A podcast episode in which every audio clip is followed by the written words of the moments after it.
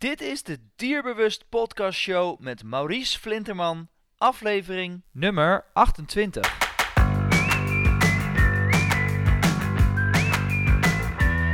Welkom bij de Dierbewust Podcast Show, waarin je luistert naar experts die je voorzien van de beste informatie, tips en tricks op het gebied van honden. Al vanaf haar vierde wilde Lisbeth Ellinger dierenarts worden. Tijdens haar studie diergeneeskunde besefte ze dat we al heel veel dingen weten over ziekte, maar dat er vaak maar weinig mogelijkheden zijn om dieren en ook mensen echt te genezen. Homeopathie bleek dé oplossing voor dit probleem wat haar betreft. Zieke dieren waar geen behandeling voor leek te zijn, knapten op naar homeopathische middelen. Vaak veel sneller dan de eigenaar voor mogelijk hield. Daarom is Lisbeth volledig gespecialiseerd in de homeopathische behandeling van zieke dieren. En gaan we vandaag een heel leuk onderwerp bespreken. Uh, dus ik nodig je uit om mee te luisteren en uh, ik wens je veel luisterplezier. Vandaag in de podcast Lisbeth Ellinger. Um, welkom Lisbeth, uh, leuk dat je erbij bent vandaag. Dankjewel, ja, zeker. Um, nou, we hebben het al een tweede keer geprobeerd, dat ging net eventjes verkeerd met de verbinding. maar vandaag gaan we het hebben over stress bij pups die te vroeg bij een moeder uh, worden weggehaald. En wat ik net ook al eventjes aangaf, uh, ik heb in een eerder artikel, heb ik, uh, of heeft Astrid Verkel op mijn website een, stuk daarover geschreven. Dat heel veel pups worden natuurlijk bij acht weken bij een moeder weggehaald, meestal, gemiddeld gezien. Maar volgens haar is het beter om dat vanaf 12 weken te doen. Omdat ze dan langer bij een moeder zijn en dat zou ja, voordelen opleveren. En jij deelt volgens mij dezelfde visie daarin. Ja, ik deel dezelfde visie erin. En um, sterker nog, ik zie ook juist vaak wat oudere honden en soms volwassen honden die nog steeds problemen hebben omdat ze vroeg bij de moeder weg zijn gehaald. Dus ik denk dat het eigenlijk een enorm probleem uh, is vaak.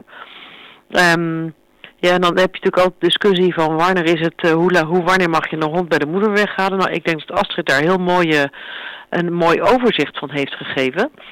Um, als ik even terug mag gaan naar een, een, dier dat veel te vroeg bij de moeder weg is gehaald, daar kun je heel erg goed zien wat de problemen zijn. Ja. En die heb je dan in meer of minder heftige vormen bij, ook met het oudere dier.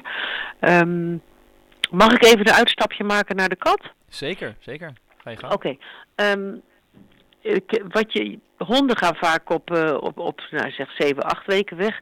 Bij katten heb je nogal eens dat ze gevonden worden in het bos zonder dat de moeder er nog bij is. Ja. En het meest extreme um, voorbeeld voor mij is een kitten. Dat was op een week, een week oud gevonden in het bos. En de mevrouw heeft hem toen met de fles grootgebracht. Nou, inmiddels was de kat vier jaar. En zij kwam omdat die kat agressief is, zoals ze het noemden. En hij was op zich wel heel aardig tegen haar en ook tegen de vier jaar oude dochter. Die was er al toen het kitten kwam. Maar ze hadden nu een baby en ze waren bang dat de kat de baby zou aanvallen. Want wat was het geval? De, als er visite kwam, dat was nog voordat je de mobiele telefoon had, ja. dan moesten mensen eerst opbellen en zeggen hoe laat ze er aankwamen. Want er werd de kat in een kamertje apart gedaan. Want als er visite was, dan stond de kat voor de voordeur en sloeg de visite letterlijk het huis uit. Oké. Okay. Dat was een enorm jaloerse kat. Hij wilde altijd alle aandacht van de eigenares hebben. En als zij haar aandacht ergens anders op richtte, of op iemand anders, aan de telefoon of als er visite was, dan ging hij lopen klieren. Dan ging hij bijvoorbeeld alle glazen uit de kast gooien. Hmm. Zodat hij weer aandacht kreeg. Ja. Hij was ontzettend jaloers. Hij maakte haar ook te pas en te onpas wakker s'nachts als hij aandacht wilde hebben. En um, nou, uiteindelijk, ik had een aantal keren een homeopathisch middel gegeven, omdat ik ben gespecialiseerd in homeopathie. En dat deed steeds wel wat, maar onvoldoende. En uiteindelijk, toen we ons realiseerden van ja, maar dit heeft te maken met gestoorde zoogperiode. Toen heb ik de kat uh, kattenmelk gegeven. En toen zag je dat het hele gedrag veranderde.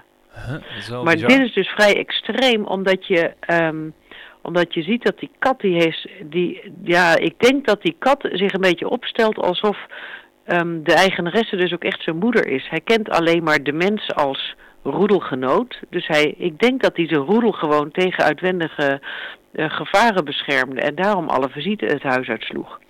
Ja, dat is natuurlijk niet uh, de en bedoeling. Na, ja, nadat hij dat middel had gehad, toen kalmeerde die en konden mensen ook gewoon langskomen.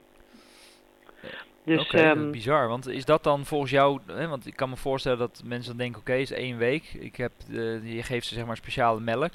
En toen is het beter gegaan. Is het dan ook zo dat je daar de link zou kunnen leggen naar pups die bij acht weken zouden weggaan met en die problemen zouden kunnen hebben? Of? Ja, maar ik geef ze dus geen gewone kattenmelk. Ik geef ze homeopathische kattenmelk, om het zo maar te zeggen. Homeopathisch gepotageerde kattenmelk. Oké. Ehm, nou, de link naar honden die ik wil leggen is... Ik, ik heb dan vaker honden te behandelen die nou ja, met vijf, zes, zeven weken van de moeder weg zijn gegaan. En niet op op één week al. Of ze hebben een gestoorde zoogperiode gehad. Dat zie je ook nog wel eens. Dat de moeder op, na drie weken geen melk meer had. Of dat de moeder overleden was. Hè? Dat soort dingetjes. Ja. En ook dan zie je, kun je heel erg, uh, heel erg duidelijke problemen zien. Nou, ze vertonen vaak baby, nou ja, babygedrag, pupgedrag moet je zeggen.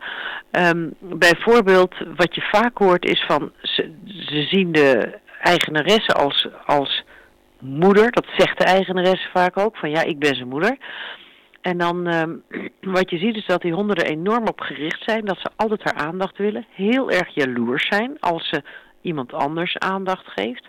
De honden hebben vaak concentratieproblemen. Die hebben heel veel moeite met, uh, met, met bij de les te blijven als ze in training zijn. Mm -hmm. um, ze kunnen heel bijterig zijn. Nou, dat is ook wat uh, Astrid zei van en ze hebben geen geremde bijtreflex, maar ze kunnen ook heel bijterig zijn. En dat is helemaal niet zo lullig bedoeld om zo maar te zeggen. Maar ze hebben het wel. Um, ze kunnen angstig zijn, ze kunnen moeilijk alleen zijn. En wat je vaak hoort is dat ze op iets sabbelen. Zo van, ze hebben een kussen en daar liggen ze op te sabbelen. Of ze hebben een bepaalde knuffel en daar sabbelen ze altijd op. Oké. Ze zijn vaak dol op melkproducten, heel grappig. Ik had één hond en daarvan zei de eigenaar, hij is zo dol op melk. Ik was een keer mijn huis aan het verven en hij zag een witte pot verf staan en begon er gelijk van te likken. Oké. Ja. En een, een andere, dat is een beetje wat je ziet. En je hebt nog een andere categorie. En die weten eigenlijk helemaal niet hoe ze zich moeten gedragen als hond. Bijvoorbeeld een hele jonge uh, jachthondenteef die uh, elke hond die ze tegenkwam, daar dook ze bovenop en begon ermee te vechten. Maakte niet uit hoe groot of, of hoe, hoe, dominant die hond was, ze dook er gewoon bovenop. Of een, uh, een herder, die, die was dan in training en dan als hij op het trainingsveld was, het enige wat hij kon doen was keihard blaffen. Zodat die trainer, die kon helemaal niks, want die hond blafte alleen maar. Oké, okay, bizar. Dus een beetje bizarre, ze hebben vaak een beetje bizar gedrag. Maar dit moet je eigenlijk natuurlijk uh, dan maar net weten. Uh, hè, of jij een pup hebt uh, gehad die inderdaad een verstoorde zoogperiode heeft gehad. Of in ieder geval te vroeg bij de moeder is weggehaald. Ja. Maar ik kan me ook voorstellen dat heel veel mensen, bijvoorbeeld bij mijn hond ken ik de historie niet. Dus dan is het natuurlijk best wel lastig om, om te weten te komen met de problemen en de signalen die je schetst. Van ja, zou het daardoor kunnen komen? Ja, ja dat klopt. Um, soms soort goed uit te vragen en, en zeg maar, ja, dat doe je dan zo'n homeopathisch dierenarts. Je, je, je verzamelt alle symptomen zeg maar die het dier heeft. En symptomen kunnen lichamelijk zijn, maar dat kan ook um, op, op psychisch of emotioneel vlak zijn. Ja. En dan ga je kijken of je in dat patroon van symptomen dat ze hebben, dat je daar kan herkennen van, oh, waarschijnlijk heeft die gestoorde zoogperiode gehad. En dan ga je dat behandelen met homeopathie.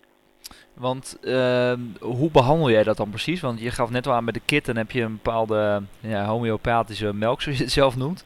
Ja. Um, heb je daar dan ook bij honden iets voor het moment dat je dat ja, later... nou het is, um, het, het is eigenlijk super simpel. Wat je doet is, van, je, je neemt um, de melk van het dier. Dus bij een mens zou je lacumanum nemen, dat is gewoon moedermelk, menselijke moedermelk. Ja. Maar voor een hond neem je dus laccaninum, dat is gepotageerde hondenmelk. En als je die, als je dat, als je die hondenmelk potentieert tot een homeopathisch middel en je geeft het dan aan die dieren met gestoorde zoogperiode, dan zie je vaak dat die symptomen veel meer normaliseren, dat de hond veel beter in balans komt. En het mooie is dat mensen dan, de eigenaar zegt vaak van, wow, het was altijd zo, iedereen dacht al dat het een pup was, maar het is opeens een volwassen hond geworden. Ja. Of die hond zit veel beter in zijn vel, en of hij is veel minder angstig geworden. Dus je ziet heel duidelijk veranderingen en dat is zo ontzettend mooi om te zien. Ja, dat is wel heel, uh, heel, ja, dat is eigenlijk dat is heel bijzonder hoor. Het zijn echt de mooie, de mooie genezingen als je dat ziet. Ja, het klinkt een beetje Ja. als, een, eh, als een wondermiddel op dat moment. Want je gaf net al eventjes aan, hè, een pup die, eh, dat- had Astrid namelijk ook over geschreven, een pup die heeft inderdaad die bijtrem niet. Dus die, die moederhond, die moet dat min of meer die pups ook aanleren. Nou, als je hem dus te vroeg weghaalt, dan kunnen ze, hem dat, eh, kunnen ze de, de pup dat dus- dus niet aanleren. Mhm. Maar werkt het dan ook als jij inderdaad die, uh, dat homeopathische middel geeft, ehm, dat ze dan wel... Dat ze minder bijterig worden? Ja, dat lijkt me niet, toch? Of? Ja, in principe wel. Het mooie is, het is, homeopathische middelen zijn eigenlijk altijd op mensen getest.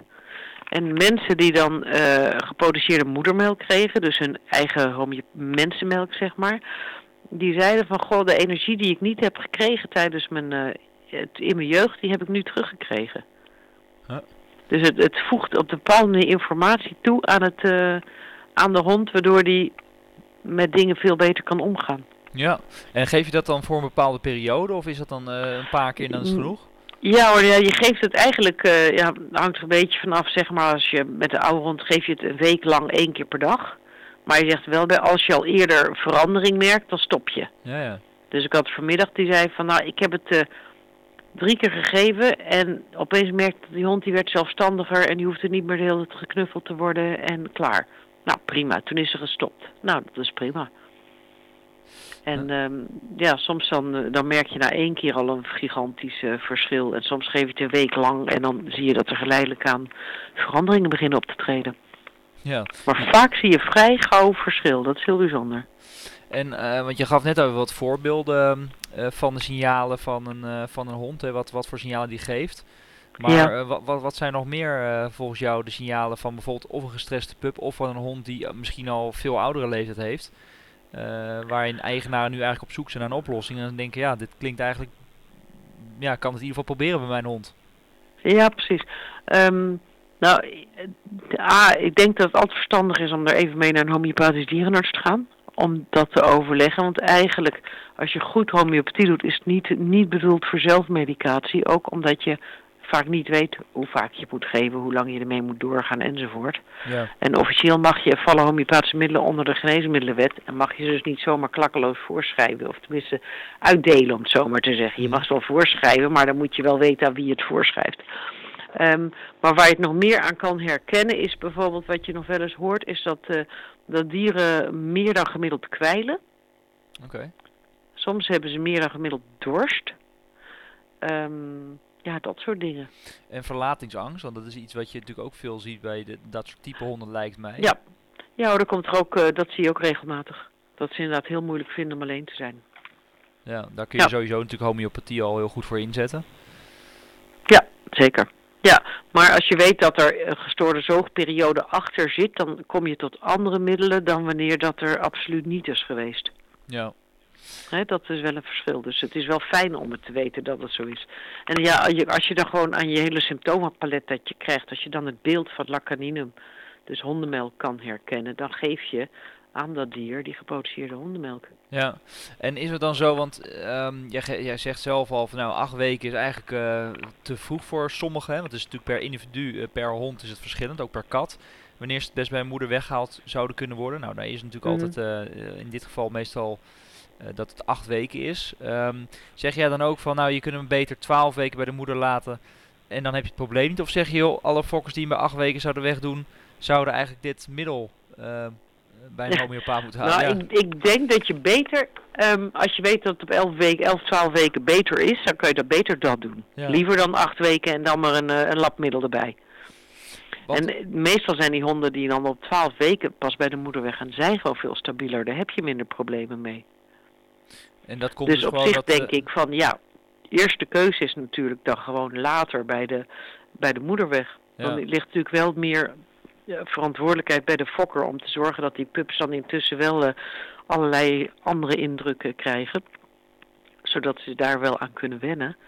Maar um, ik denk dat het op zich voor de hond fijner is als hij langer bij de moeder kan blijven. En, en, heb en je vroeger dan... dachten we natuurlijk heel praktisch. Zo van, ah, de moeder wil toch geen melk begeven, hup, weg met die pups.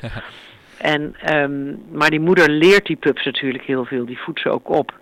En dat stukje mis je als je ze te vroeg weghaalt. Ja, dat is precies wat Astrid eigenlijk uh, ook uh, aangaf in haar, in haar stuk.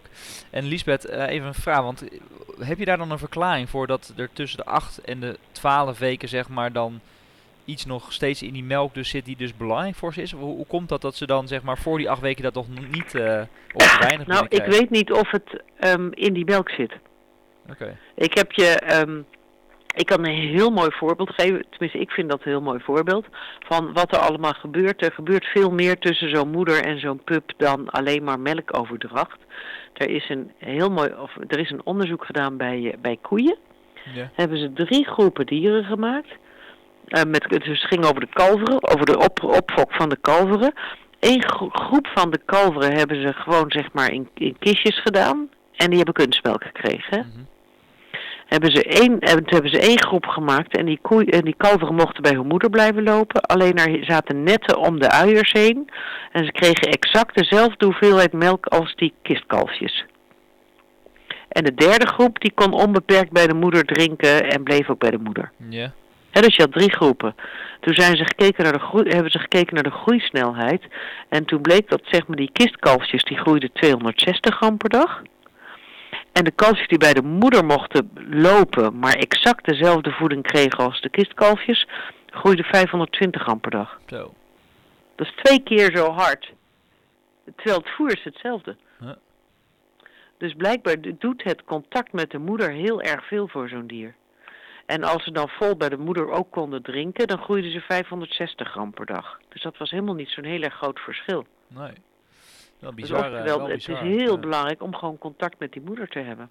Ja, want uh, Lisbeth, hoe, hoe, ben jij hier achter gekomen um, in je praktijk? Want je vertelde ook net dat verhaal van, van de kat. En waar ik ook heel erg benieuwd naar ben is... Um, nou, hoe ik erachter kwam was eigenlijk omdat ik, ik, ik uh, volgde een nascholing bij een Duitse arts. Ja. En die had het over lac humanum. Dus over um, mensenmelk en wat dat deed bij mensen en wat voor problemen je kon zien. En dat je vaak borstproblemen zag bij mensen die een gestoorde zorgperiode gehad, gehad. En nou, van alles en nog wat. En toen dacht ik, hé, hey, verrekken. Want je had die lac, caninum, die hondenmelk had je al heel lang in de homeopathie. Mhm. Alleen ik had al van, ja, wat moet je er nou mee met een hond? Want hondenmelk voor een hond is heel wat anders dan hondenmelk voor een mens. Maar toen ik dat lac humanum, dus dit mensenmelkverhaal had gehoord, dacht ik, oh verrek, nou snap ik ook die lak, die hondenmelk aan de hond kan geven. Dus ik heb het eigenlijk uit de humane homeopathie heb ik het idee genomen en ik heb het vertaald naar honden en katten en paarden en koeien en allemaal. Hm. En hoe, hoe, vaak kom je dat dan tegen in de praktijk? Je zegt van nou, dit is echt een geval uh, waarin de, de, de, nee, zeg maar de pup in dit, dit geval te wij, of te, niet goed uh, gezoogd uh, of verstoren gezoogd is, zeg maar. Nou, ik geef behoorlijk wat honden en geef ik wel lacaninum een keertje. Dus nou, 20%, 30%. Ja, Maar ik heb natuurlijk een rare populatie, want ik ben gespecialiseerd in homeopathie. Ja. Dus ik krijg de, alle probleemgevallen, zeg maar.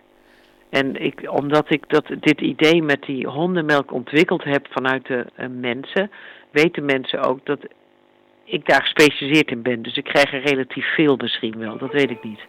Ja, precies, dat mensen doorgestuurd worden en dat jij ermee aan de slag gaat. Ja, dat mensen weten van, oh ja, die uh, Ellinger die uh, is met die uh, gestoorde zoogperiode bezig en dan komen ze dus bij mij. ja, precies. Ja, nou, zo gaat dat toch. Dus ik, ik weet niet of ik een, of ik een goede afspiegeling van de maatschappij heb.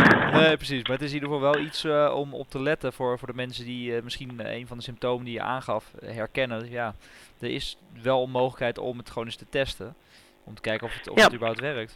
Ja, kijk, en het mooie van homeopathie is, en zeker met zo'n uh, met zo'n moedermelk, dat kan je vrij makkelijk geven zonder dat, dat, heel veel gevaar, dat je heel veel gevaar loopt. Dus als je vermoedt dat het er mogelijk mee te maken heeft, dan kun je natuurlijk altijd overleggen met een homeopathisch dierenarts van, goh, zou ik dat in moeten gaan zetten of niet? Ja. Ja. En als je dan kijkt, um, want over, um, over stress bij, bij pups, uh, die probleemgedrag uh, veroorzaken. Uh, we zien ja. natuurlijk dat er steeds meer fysieke problemen komen bij rassen. En, en de fysieke gezondheid van onze honden, dat lijkt eigenlijk wel een beetje achteruit te gaan. Ja. Heel vaak honden met, met problemen. heb jij hier nog een. Wat, wat zou daar nog de reden van kunnen zijn? Dat, dat zoveel honden, zeg maar, zoveel problemen krijgen? Ja, um, ik denk dat dat veel, veel oorzaken kan hebben. Het kan het fokbeleid zijn. Hè? Bedoel, sommige rassen, daar fokken we zelf de problemen in. Nou ja, goed, denk aan uh, te veel plooien, te lange oren enzovoort. Ja. Um, en het gekke is dat bijvoorbeeld de lange oren in het ene land is dat echt een probleem en hebben die honden veel uh, oorontstekingen en in een ander land is het to totaal geen probleem. Dus het is niet per definitie het uiterlijk, maar ook hoe je ermee fokt blijkbaar. Um, nou ja, te vroeg gespeend kan daar dus te vroeg bij de moeder weggehaald kan een oorzaak hebben. Het voer kan een oorzaak hebben, vaccinatie. De manier van houden kan natuurlijk ook een probleem zijn, want vroeger had je meer honden al voor de functie, zeg maar. En tegenwoordig zijn het toch vaak gezellige huishonden. Ja. En um, nou, er zijn natuurlijk legio voorbeelden. Een Dalmatier is gefokt om 40 kilometer per dag naast de koets te lopen. Nou, neem hem in huis en loop drie keer per dag een rondje van een kilometer. Ja, dan wordt het een hele onrustige, nerveuze hond. Ja, dat ligt niet aan, eigenlijk niet aan de hond, maar aan de manier van houden. Omdat je eigenlijk moet je gewoon gaan, uh, gaan fietsen of weet ik veel wat met die hond gaan doen. Maar veel actiever iets doen. Een border collie die moet werken. We hebben er zelf een kruising gehad en haar, uh, zij had bedacht dat haar taak was dat ze de, de paarden bij elkaar moest houden. Dus ze liep keihard rondjes om de paarden als we aan het rijden waren. Maar als het twee weken hard aan het vriezen was en we konden niet rijden, ja, dan gingen ze maar mensen lopen, lopen hoeden, want je moest toch wat? Ja. Ja, dan kan je zeggen, die hond die werd agressief. Nee, die hond die had iets van, ik moet wat te doen hebben. Ja. Dus dan, eh, dan merk je dat het, uh, dat de match van hoe hou jij je hond en waar is hij eigenlijk voor gefokt, dat, dat, niet, dat het gewoon niet goed is. Ja, en ik weet nog, toen die border collies net inkwamen, toen werd er eigenlijk gezegd van ja, je mag een border collie kopen, maar dan moet je wel schapen hebben. En anders als je dat niet hebt, nou ja, dan maar ganzen, maar uh, ze moeten wel aan het werk. Ja, want en dat is er toch een beetje uit, omdat er dan toch weer allemaal andere dingen met die honden gedaan wordt. Maar uh, ja. Ja, interessant. Want uh, Lisbeth, jij hebt ook veel. jij, bent, jij geeft ook wel eens lezingen over stress bij honden, toch? Die uiteindelijk probleemgedrag vertonen. Um, ja, ik geef uh, vaak lezingen over um, homeopathie. en dan, ja, dan kan dat verschillende uh, redenen hebben. Je kan stress hebben door, uh, door zo'n gestoorde zoogperiode. Maar je kan natuurlijk ook stress hebben omdat het dier ooit enorm geschrokken is van iets. Of dat er iets is gebeurd. Um, je ziet ook wel eens problemen na narcose. Ik weet niet of je, dat, uh, of je daar wel eens van gehoord hebt. Ja, dat heb je, daar geef je inderdaad ook een lezing over, zag ik. Misschien kun je dat even toelichten. Het is wel een interessant uh, onderwerp. Ja, um, wat er uh, vaak wordt als premedicatie bij een operatie, wordt ketamine gebruikt. Ja. En ketamine, dat is angels, wordt ook wel angels dust genoemd. En het heet geen angels dust omdat het zo'n uh, lekker goedje is, maar omdat Hells Angels het gebruiken om op te trippen. Oké. Nou, Klinkt goed. Trippen, daar kun je met, klinkt heerlijk. Daar kun je, gaan, kun je gaan hallucineren, maar als je nou een bad trip hebt, dan kunnen er allemaal andere dingen gebeuren. Dan kun je heel angstig worden of je kan agressief worden en, enzovoort. Hè? Um, en um, nou ja, een, een, hond die een operatie ondergaat, die is natuurlijk in een vreemde omgeving, die vindt het allemaal spannend, die vindt het misschien wel eng. En dat is niet de meest optimale moment om een, een drug te nemen, want dat is natuurlijk de meeste kans op een bad trip. Ja. En bij een aantal gevallen zie je dat die honden soms acuut last hebben van de ketamine, maar ook wel chronisch. En acuut last van de ketamine, dat uh, bijvoorbeeld heb ik een keer een hond behandeld die nadat hij uh, geopereerd was, dan kwam hij smiddags thuis en dan sloop hij, als het donker begon te worden, ging hij door het huis sluipen en dan ging hij proberen in lampen te bijten. En dan zat hij de eigenaar aan te kijken, zo van jou ken ik niet en jou grijp ik zo, want jij bent gevaarlijk. Dus ik was echt bang voor mijn eigen hond. Um, nou, en die hebben we toen uh, gepotentieerd ketamine gegeven, dus ketamine als homeopathisch middel.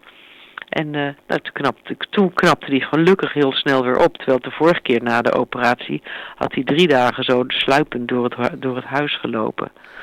En maar je kan ook... Uh, hm? Wat is dan de reden dat ze dat uh, door dat narcose, zeg maar, dat het erin zit? het werkt heel snel. En um, het, het, je kan het heel makkelijk gebruiken. En het is zo vroeger, je hebt links- en rechtsdraaiend ketamine. En in de diergeneeskunde gebruik je het mengsel van links- en rechtsdraaiend. En bij mensen gebruik je dat al niet meer, omdat het veel bijwerkingen geeft. Ja. Maar als je alleen maar het linksdraaiende hebt, dan heb je wel een beetje dat het um, minder snel een narcose geeft. Okay. Dan werkt het vooral pijnstillend. Ja. Dus het is, het, er is ook wel sprake van dat het nu Europees verboden gaat worden, die ketamine. Maar heel veel dierartsen komen daar in tegen in uh, verzet. Omdat ze zeggen, ja, maar het is zo makkelijk middel in de praktijk. Maar ja, als je af en toe ziet wat het bij dieren doet, denk ik, nou ja, verbied het maar vandaag. Ja, want hoe doe jij maar en nou noem ik iets wat ze uh, heel acuut, hè, last van ketamine. Maar ik heb ook dieren behandeld, die zijn dan, uh, nou, een heel mooi voorbeeld van... Um, bij ons in de straten die hebben ze een hond van, uh, van twee jaar en uh, komen we tegen op oudjaar. En zeg, goh, hoe gaat het nou? Hij is doodsbang voor het vuurwerk. En vorig jaar was er niets aan de hand. En nou is aan het trillen hij is totaal van slag. Dus ik zei, oh ja, hij is zeker gecastreerd. Ja, klopt, in de zomer. Nou, geproduceerd ketamine gegeven, gewoon op oudejaarsavond. En zei, nou, het werkte echt als magic. We gaven dat homeopathische middel en binnen 10 minuten lag hij te slapen. Oké. Knallen of niet, sliep gewoon door. En na anderhalf uur werd hij dan zo'n beetje wakker. En dan kwam hij weer bij en dan, nou, dan werd hij toch geleidelijk aan weer angstiger. En als hij dan weer begon te bibberen, kreeg hij weer, die kreeg hij weer die, dat homeopathische middel. Poink en dan lag hij weer te slapen. Het was fantastisch. Alsof je op een knop drukte om, om hem uit te zetten. Nou, dat is hartstikke mooi. Maar dan lijkt het dus ook heel erg met die ketamine te maken te hebben. waarom zouden ze anders op geproduceerd ketamine reageren? Maar Lisbeth, jij zegt, uh, voor mij mag het verboden worden. Ik neem aan dat jij het dus in je eigen praktijk niet gebruikt. Maar wat, wat, wat doe je dan? Nou, er zijn alternatieven voor ketamine. Er zijn andere stoffen die je kan gebruiken als premedicatie. Maar ja, dus weet... zoals propofol en zo. Je weet dus. En er zijn, ook, er zijn ook al wel dierenartspraktijken die geen ketamine meer gebruiken, maar ook voor wat anders kiezen. Hm. Want hoeveel praktijken denk jij dat, er, dat nog zeg maar de oude methode, of, die ketamine zeg maar, erin gebruiken? Is dat dan een heel groot hm, percentage? 90 procent. Zo. Ja, echt wel veel hoor, ja. En het stomme is, dierenarts zeggen altijd, ja nee, maar ik heb nog nooit bijwerkingen ervan gezien. Maar ik had er ook nooit bijwerkingen van gezien. Totdat een Amerikaanse dierenarts mij vertelde van, kijk, uh, dit kan gebeuren op ketamine. En toen ben ik erop gaan letten en dan zie je het. Ja. En je moet erop gaan letten en dan heb je, het mooie is als je dan, uh, als je dierenarts bent vind ik, is als je dan vermoedt dat het van een bepaalde stof komt, dus van die ketamine, dat je dan ketamine als homeopathisch middel kan geven om dat weer te antidoteren. Ja. Ja, dat nou, dat doe je dan. En als ze daar dan heel duidelijk op reageren, kun je zeggen, oké, dan heeft het dus met ketamine te maken. Ja, dus je moet eigenlijk voordat je je hond zeg maar onder narcose zou laten brengen, heel duidelijk uh, vragen van ja, uh, wat voor soort narcose gebruik jij? Ja. dan zal een dierenarts zeggen van, hoezo wil je dat weten? Maar ja, dat vragen ze zeker. Want, want weten de meeste dierenartsen dan dat er dat, dat ketamine, dat het spul er zeg maar in zit door die narcose? Ja, ja, dat weten ze, want het heet ketamine, dus dat spuit je in. Oké. Dus ja hoor, dat weten ze. Dus je, doet eerst, je geeft eerst ketamine, een pijnstiller, en dan geef je gasnarcose om zeg maar de narcose verder te onderhouden. Ja. Dus in principe weten dierenartsen dat, dat ze dat gebruiken. Alleen, en ik, ik, ik weet er nu een paar die het niet meer gebruiken, maar de meeste gebruiken het gewoon. Hm, dus wel, uh, wel weer een mooi iets om uh, heel uh, kritisch op te zijn dus, als ik jou zo goed begrijp. Ja, absoluut. En, ja. en helemaal als jouw dier dus inderdaad ineens na een narcose heel erg verslag is, om ook aan de bel te trekken. Ja, ja. ja of als ze bang geweest zijn voor vuurwerk en opeens wel bang zijn voor vuurwerk. He, dan, dan weet je ook van, hé, hey, wat is er nou gebeurd? Kijk, als hij nou een rotje tussen zijn poten heeft gehad, ja, dan is hij duidelijk heel erg geschrokken. Ja. En dan kun je, kun je dat homeopathisch gaan behandelen. Maar als er eigenlijk niks is gebeurd en hij wordt opeens bang voor vuurwerk en voor knallen en dat soort dingen, ja, denk eraan. Bedenk eens of hij misschien een roesje heeft gehad bij de dierenarts. Of dat hij geopereerd is geweest. Ja, goede, goede tip. En uh, als ja. we het hebben over goede tips, uh, Lisbeth, want aan het uh, einde van de podcast hebben we altijd een belangrijkste levensles of inzicht slash tip die jij hebt geleerd tijdens het, het hebben en het houden van honden. Wat, wat ja. wil je de luisteraars meegeven? Nou, ik denk wat heel belangrijk is als je een hond hebt, is dat je um, kijkt naar de behoeften van de hond, zonder hem te vermenselijken. Dus wat ik, nou, wat ik zei van als je een Dalmatiër kiest, oké, weet dat hij heel veel moet lopen. Als je een uh, border collie uh, neemt, uh, weet dat je dan ook schapen moet aanschaffen, bij wijze van spreken. Ja. Um, kijk wat de behoefte is van die hond. Heeft die hond inderdaad, is het goed voor die hond om twaalf weken bij zijn moeder te blijven? Nou, doe dat alsjeblieft. Ja, dat is een uh, goede toevoeging. Als je, als je het hebt over kijk goed naar de behoeften van de hond. Bedoel je dan echt dat je je gevoel gebruikt, dat je hè, inderdaad kijkt en, en, je, en op je gevoel afgaat, op je intuïtie? Of? Nee, ik bedoel ook dat je je moet verdiepen in die hond. Dus goed inlezen. Dus hè, dat je gewoon inleest, dat je, dat je een hond niet kiest op zijn schattige koppie of zijn mooie kleur. Maar dat je kijkt van waar is deze hond voor gefokt en wat zijn dus zijn karaktereigenschappen, wat zijn zijn kenmerken, wat wil hij het liefste doen, want meestal een hond waar hij voor gefokt is, dat willen ze ook graag doen. En kijk of dat bij jou past. Want een hond die enorm veel beweging nodig heeft en jij woont midden in de stad, is het denk ik geen goede keuze. Nee, geen goede match. Dan is het vraag om problemen. Ja. ja. Dus pas jij pas je aan aan je hond en zorg dat de hond bij jou past. En neem niet de gok dat het wel zal kunnen. Ja, goeie... ja, ik bedoel, dan krijg je gewoon uh, teleurstellingen. Van ja, de hond is zo onrustig op mijn flat. Ja, oké. Ja, vind je het raar. Ja. We hebben nu ook een jonge hond en je moet twee keer per dag een uur met hem lopen. En als je dat niet doet, dan gaat hij lopen slopen, want dan verveelt hij zich. Ja, oké, okay, pech. Dan moet ze twee, twee keer per dag een uur lopen. In het bos kan hij keihard rennen en dan is hij alleen maar aan het rennen. Doe je dat niet, hebben wij een probleem. En, en, want dat is natuurlijk wel goed dat je dat als laatst nog aangeeft. Maar er zijn natuurlijk ook uh, honden die veel te overprikkeld zijn. Hè, als je het dan hebt over stress. Uh, er zijn natuurlijk ook genoeg um, gedragstherapeuten die zeggen... ja, door te veel stress, door te veel prikkels... Uh, gaat hij juist inderdaad ook bijten en dat soort gedrag vertonen. Dus dat is ook sowieso een beetje contra op elkaar. Dat je heel goed moet opletten waar je, waar je mee bezig bent met je hond. Ja, dat is ook zo. Maar dan is het een beetje de vraag... Kijk, als ik door een park zou lopen waar ik, elke, waar ik twintig andere honden tegenkom... dat is denk ik anders voor die hond dan wanneer die rustig in zijn eentje door het bos rent. Ja. Nee, maar ja, dat zijn ook wel weer prikkels, dat is waar. Ja. En op zich, als een hond te gemakkelijk overprikkeld raakt, zou voor mij een reden zijn om homeopathisch te behandelen. Want dan is er iets niet, uh, niet goed. Uh... Ja, dat klopt, er klopt iets niet. Ja.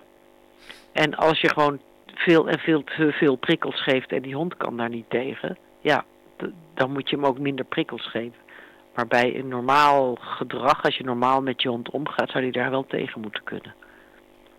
Ja, dus uh, nou ja, weer een uh, hele belangrijke tip denk ik voor de mensen die inderdaad zich daarin herkennen. Uh, dat je gewoon eens bij een homeopaat langs gaat om dat in kaart te brengen.